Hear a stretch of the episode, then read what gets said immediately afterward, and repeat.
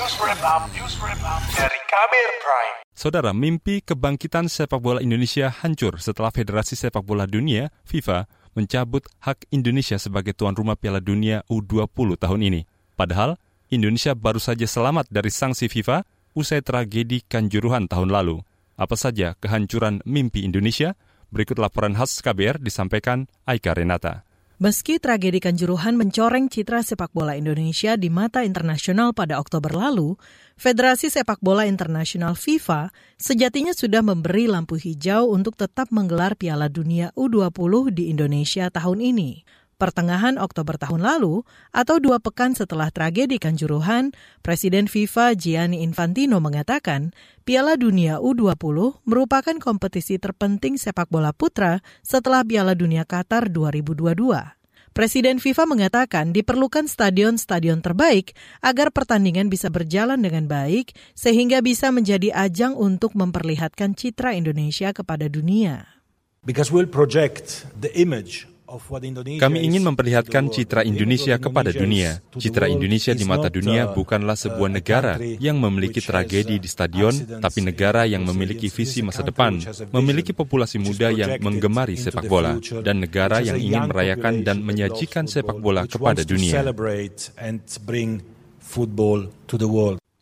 Presiden FIFA Gianni Infantino saat itu mengatakan Indonesia merupakan negara sepak bola, negara dengan populasi hampir 300 juta yang mencintai sepak bola. Ia juga menyebut Piala Dunia U20 di Indonesia akan menjadi kesempatan unik mempromosikan Indonesia untuk masa depan.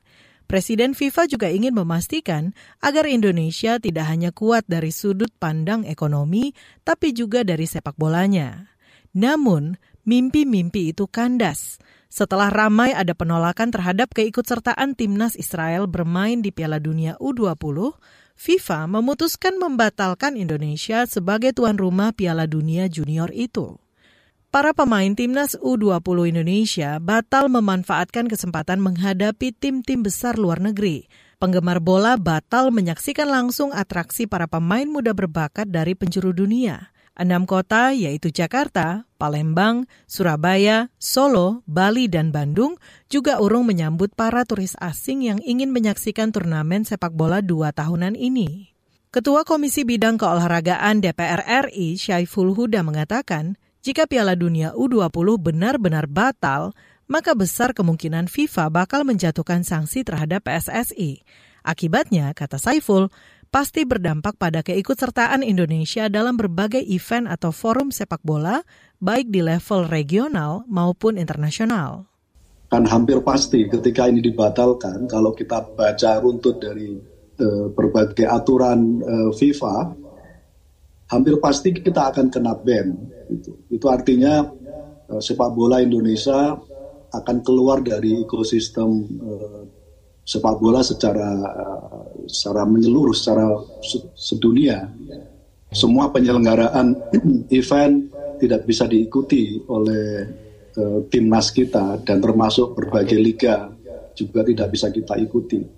Terkait dengan ini, kita ingin pemerintah dan PSSI sepatnya untuk melakukan lobby politik. Tentu saya tidak membayangkan suasananya seperti apa, tapi ketika risiko terburuk tidak bisa kita laksanakan, jangan sampai lalu kita kena ban oleh pihak FIFA dan berisiko cukup panjang bagi hmm. masa depan sepak bola kita. Wali Kota Solo, Gibran Raka Buming Raka, ikut geram ketika ada aksi penolakan timnas Israel di Piala Dunia U20 Indonesia. Padahal, Kota Solo sudah mempertaruhkan waktu, tenaga, pikiran, hingga dana untuk persiapan menjadi tuan rumah final Piala Dunia U20. Sudah menyiapkan venue, persis, itu sudah rugi loh. Memindahkan home base itu nggak murah. Sudah rugi, orang esok ditonton, orang esok tutulan tiket, pengorbanan ya. pengorbanan PAD yo hilang. Pengorbanan ini nggak apa-apa. Tapi saya ini malah piala dunia ini melu hilang. Nah, ini rotok jengkel oke. Yuk. PKL juga ya mas? Ya? misalnya PKL juga. Tuh. PKL wis komitmen juga.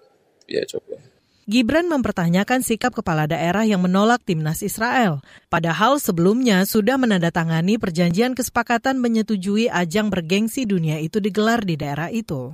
Kekecewaan juga terlontar dari PT Juara Raga Adidaya, perusahaan yang memegang lisensi merchandise resmi Piala Dunia U20.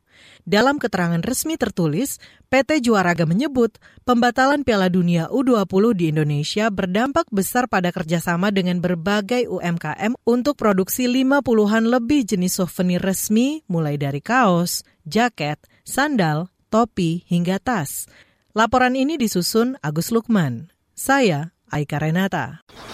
Kamu baru saja mendengarkan news wrap up dari Kabel Prime. Dengarkan terus kbrprime.id, podcast for curious mind.